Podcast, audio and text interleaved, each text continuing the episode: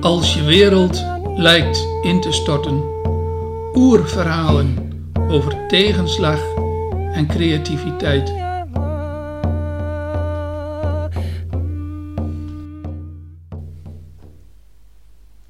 De kano en de grote tocht.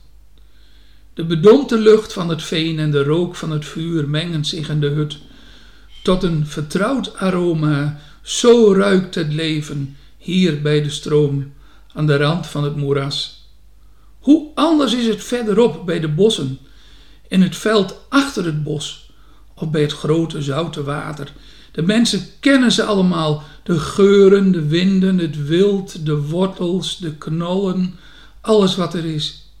Dan weer zijn ze een tijdje hier, dan weer daar. Hoe dat hier en dat daar ook maar heet, dat doet er niet toe. De wereld is één groot doortrekgebied. Zolang de winter hen niet dwingt om ergens op een hoge, veilige plek vaste grond te zoeken en daar te blijven tot het voorjaar. Vier maanden geleden woonden ze nog vele dagen lopend ver weg, ergens in het oosten.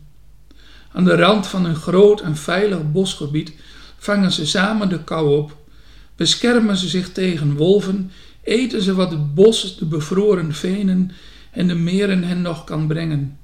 Dan worden de feesten gevierd, dan worden verbonden gesloten door een man en een vrouw bij elkaar te brengen, jonge mensen die in het voorjaar samen erop uit zullen trekken met de rest van hun familie. Daar vinden de mensen nieuwe partners als ze dat willen. En als hun oude partner in het seizoen daarvoor is overleden. Voor de kinderen worden nieuwe vaders en moeders gevonden. Dan, in het voorjaar, gaan de families op weg. De sterken dragen stokken over hun schouders, die als sleden achter hen aanslepen, met erop alles wat van belang is om mee te nemen. De anderen, de gezonden, dragen op de rug wat nodig is. Wat je niet kunt meenemen, nou, dat is niet van belang. Zo gauw je sterk genoeg bent, help je mee. Onderweg vind je hutten van het vorige jaar of het jaar daar weer voor. Dan kun je eventueel een dag of wat blijven om uit te rusten, om voedsel te verzamelen en dan kun je weer verder. Niet overal zijn hutten. Soms slapen ze gewoon bij het vuur in de open lucht. Men is eraan gewend. Je loopt vanaf de hoogvlakte en je loopt dan gewoon naar waar de zon ondergaat. Dan volg je een rivier en bij een paar oude bomen, nou die, die leer je vanzelf wel kennen hoor, want als je maar lang genoeg meeloopt weet je precies welke bomen dat zijn. Nou daar ga je naar het noorden, dan is er een pad door het veen en dan kom je uit in een soort droomwereld. Planten, kruiden, wortels, stengels, bladeren, klei om potten van te maken, vuursteen voor je messen en wapens, vezelrijke planten voor netten, voor kleding, draden om mee te naaien, om mee te weven, vis, vogels, zwijnen, meer dan hier te noemen is, en bomen genoeg, jonge bomen om hutten te bouwen, hout voor bogen, pijlen, lansen, en een van die grote zegeningen om mee te werken, een boomstamkano. Want die heb je wel nodig in dat gebied. Naast de grote bossen begint een drassig gebied met stroompjes, meertjes en vooral vissen, watervogels, eieren. Het riet dat overal wel aan de oever staat, dat zorgt voor waterdichte daken. De gerolde pluimen van sommige lange, ronde rietstengels vaak meer dan een vingerdik, zorgen voor droog pluis. Daar kun je vuur mee maken. Het is een koude, natte nazomerdag. Daar gaan we verder. We zitten in een hut bij de stroom en de hut vult zich met de geur van geroosterde vis. Een oude grijze man stopt droog gras in de huiden die zijn voeten beschermen. Het houdt hem warm. Zijn hettenleren broek is even vet als zijn handen. Het houdt beide soepel. De tuniek van vervlochten brandnedeldraden is op de schouders bedekt door een flinke varkenshuid, waterdicht, en een tweede tuniek van inmiddels onherkenbaar materiaal geworden. Het is zo oud als zijn gebruiker, lijkt het, en zo vaak versteld dat het voor iedere zomer dat hij al heeft geleefd wel een stuk in zich draagt dat er apart in is gezet, slijtage, maar functioneel, als de oude jager en als de oude verzamelaar zelf. Een muts van schapenleer bedekt zijn hoofd, zodat de grens tussen muts en haar even onopgemerkt in elkaar overgaat als die van veen en land. Om zijn hals hangt een grote berentand. Hij hangt tussen twee bruine kralen. Ze zijn gemaakt van barnsteen. Een kostbare stof, gevonden op het strand, geschenk van de geesten van de zee. De tand komt uit de beer, die in zijn jonge jaren met een flinke lans van gedroogd essenhout en een slanke in het vuur verharde punt wist te doden. Met de tand is de kracht van de beer op hem overgegaan. Vroeger, hij was hij nog maar zo sterk als toen. Vroeger, toen was hij zo sterk als die beer.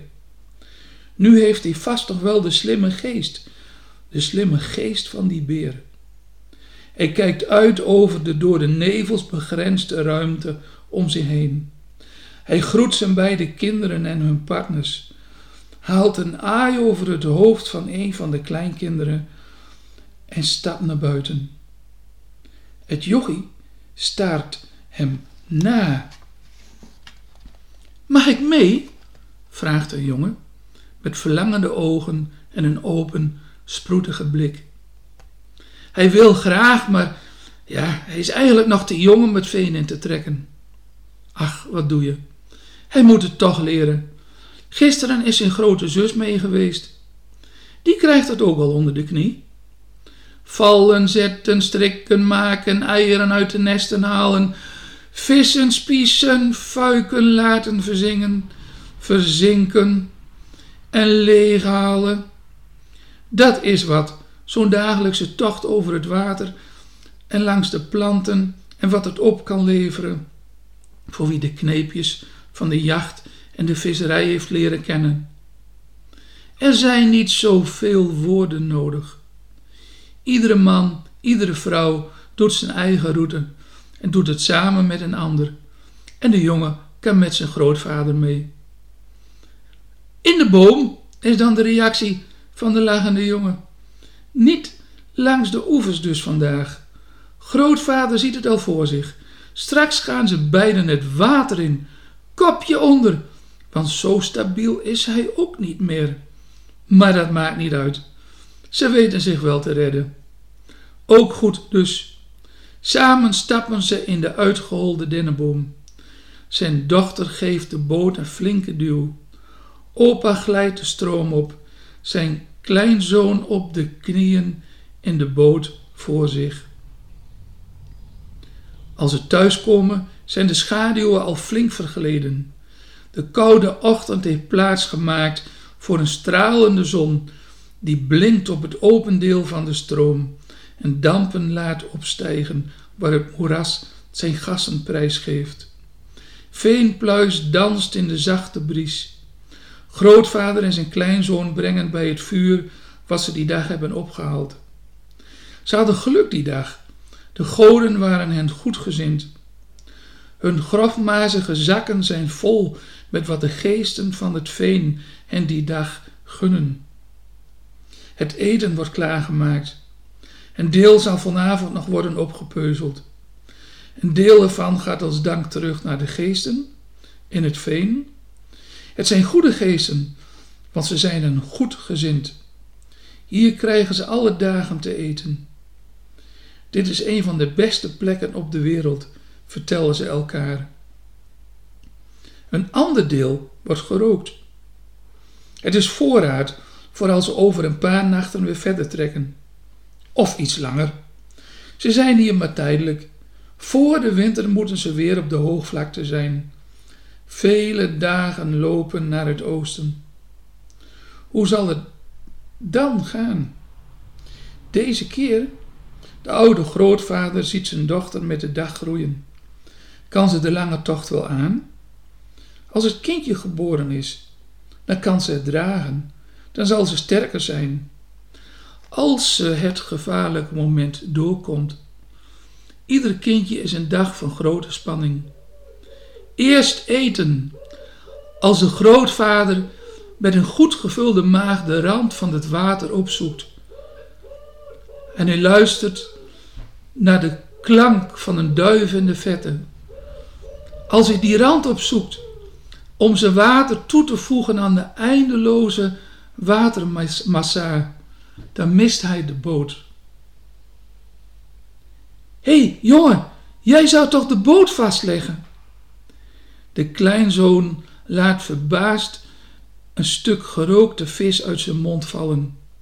Hij kijkt zijn grootvader aan en de woorden vervagen in de opmerking van zijn moeder. Vader, je weet toch wel dat jij de baas blijft als je met je jochie op stap gaat? De jonge vrouw kijkt daarbij de oude man aan met een blik die niets te raden overlaat.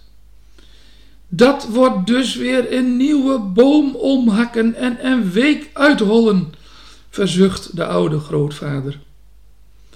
Ach, we gaan over een paar nachten toch verder. En we weten toch nooit zeker of de boom er een volgende keer nog wel ligt, relativeert zijn schoonzoon. En of ik dan nog kan hakken, voegde de oude grootvader eraan toe. Onze toekomstige clanleider heeft vandaag meer geleerd dan velen in één dag hebben willen leren. En dan schaterlacht grootvader, de oude man, en kijkt het jochie aan. Zegt het hem echt zo weinig? Die boot, dat is toch een zaak van leven of dood? Daar hangt toch een flink deel van de vangst van af? Die nacht kan grootvader niet slapen. Er ligt te woelen onder zijn huid, bij het smeulende vuur in het midden van de grote hut. Geen kano. Dat is nu niet erg meer. We gaan toch weer weg over een week of wat. We slepen onze huiden, ons gedroogde vlees, de gedroogde vis. We slepen alles wel weer naar de hoogvlakte in het oosten. We hebben een goede winter. Maar dan, waar moeten ze volgend jaar naartoe? Deze droomwereld, die heeft er niets meer te bieden, want ze hebben geen kano meer. Beetje bij beetje begint grootvader te snappen dat het missen van de kano de hele wereld op de kop zet. Dit is een ramp. Volgend jaar hebben ze niks als ze niet zorgen voor een boom die volgend jaar droog genoeg is om uit te hollen. In zijn hoofd wordt een plan gemaakt. Hij denkt helemaal uit hoe het de dagen erop zal gaan. In de vroege ochtend klinkt een hoorn. Grootvader blaast op het gat in de zijkant van zijn jachthoorn. Hij gebruikt hem bij de oeralsjacht en om de mensen bij elkaar te roepen als er overleg is. De clan, de familie, ze worden verdeeld over meerdere hutten langs de stroom. Ze komen nu bij elkaar, overal vandaan. Ook degenen die al bij de netten waren, ze komen op het geluid af. Ze zitten zwijgend bij elkaar tot iedereen er is. Dan neemt de oude stemleider, de oude grootvader, het woord. Wij kunnen nog niet weg, mensen. Zonder kano is er volgend jaar geen leven voor ons. Want waar moeten wij heen? Ik heb besloten wij wachten tot mijn dochter haar kind heeft en sterk genoeg is om mee te kunnen. In de tussentijd kappen we een geschikte boom, bewerken de buitenkant zodanig dat de grove vorm van de kano klaar is. We verbergen hem tussen de struiken. Volgend jaar is het hout droog genoeg om verder te bewerken. Dat kost meer dagen dan ik vingers en tenen heb. Maar uh, vooruit, dat geeft niet. We redden ons wel. En als de kano klaar is, dan kunnen we de plassen weer op. Ik heb gezegd.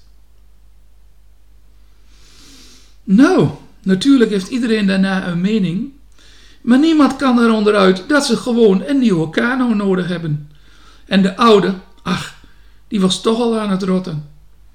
En als die nu niet vervangen wordt, als dat nou niet gebeurt, dan hadden ze misschien volgend jaar een rotte kano gevonden.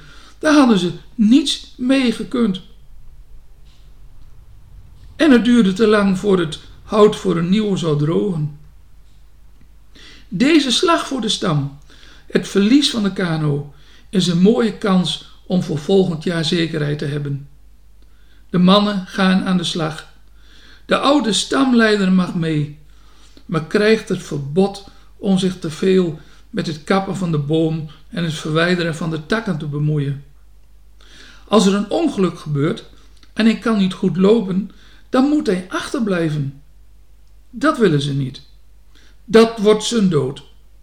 Mannen, sterke vrouwen, alles en iedereen is bezig met de vuursteenwerktuigen om de boom te kappen, de schors te verwijderen, de voor- en achterzijde af te ronden. En dan lopen de vrouwen ineens allemaal weg. Grootvader ziet het aan.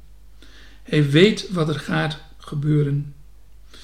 Mannen zijn nu even niet welkom in de grote hut. Als de zon wat lager staat, horen ze het huilen van een kindje. De vrouwen dansen, zingen. Ze brengen het gewikkeld in een vacht naar de grootvader. Dat kindje. Hij neemt het op de arm. Je ziet zijn stralende blik, het geluk in zijn ogen en de trots als zijn dochter daarna naar buiten komt. Nog slaapt, maar ze heeft het goed doorstaan. Dan klinkt een naam, de naam van het kind. De naam klinkt uit de mond van de moeder. De oude grootmoeder, de leidster van de stam, ze is al jaren geleden overleden. Dochter nam haar taak over. Ze mag de naam bepalen en ze noemt de naam. Zo zal zij heten. De stamleden juichen, daar bij de hut van de omgebogen boompjes, bladeren, takken op de rand van het stroompje en het grote moeras, in de schaduw van het bos. De mensen juichen, dansen en zingen, als ze met alle kracht van iedereen die mee kan werken, de boomstam bij het vuur buiten de hut schuiven. Hij kan verder drogen. Hij is klaar. De mensen zijn klaar. Nu moeder nog. Aansterken. De dagen erop wordt er nog gezocht naar voedsel langs de bewandelbare randen van het water en het veen. Dan wordt er opgebroken. Enkele jonge boompjes leveren de stammetjes die over de schouders van twee sterke mannen worden gelegd en als sleden over de grond meeslepen. Erop ligt een deel van hun huishouden en een deel van de voorraad. Anderen dragen op de rug wat nodig is en wat mogelijk is. De kleintjes moeten ook al gedragen worden en dan pak je er niet zoveel meer bij. De jonge moeder heeft haar kind op de rug. Ze zullen onderweg stoppen, zodat het kind kan voeden. En opdat grootvader even kan rusten. Het gaat niet zo hard, maar iedereen kan mee. En daar gaat het om. De clan gaat op stap, letterlijk naar de volgende rustplaats. Wie weet staan daar de hutten nog van vorig jaar. Dan kunnen ze die weer opknappen. En zo niet, dan maken ze ze daar of in de buurt. Dan maken ze gewoon nieuwe. Tot ze allemaal weer bij het grote bos in het oosten zijn. Daar op de hoogvlakte. Zo gaat het leven verder. Zolang het leven verder gaat.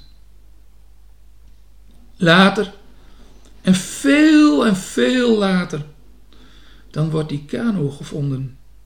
Die ene kano die verloren ging. Hij was zo zwaar geworden door het water dat het hout opzoog, dat hij zonk. En hij werd bewaard in een veenlaag. Die kano, die hebben we nog. De oudste boomstamkano ter wereld. De kano van Pessen. Tienduizend jaar oud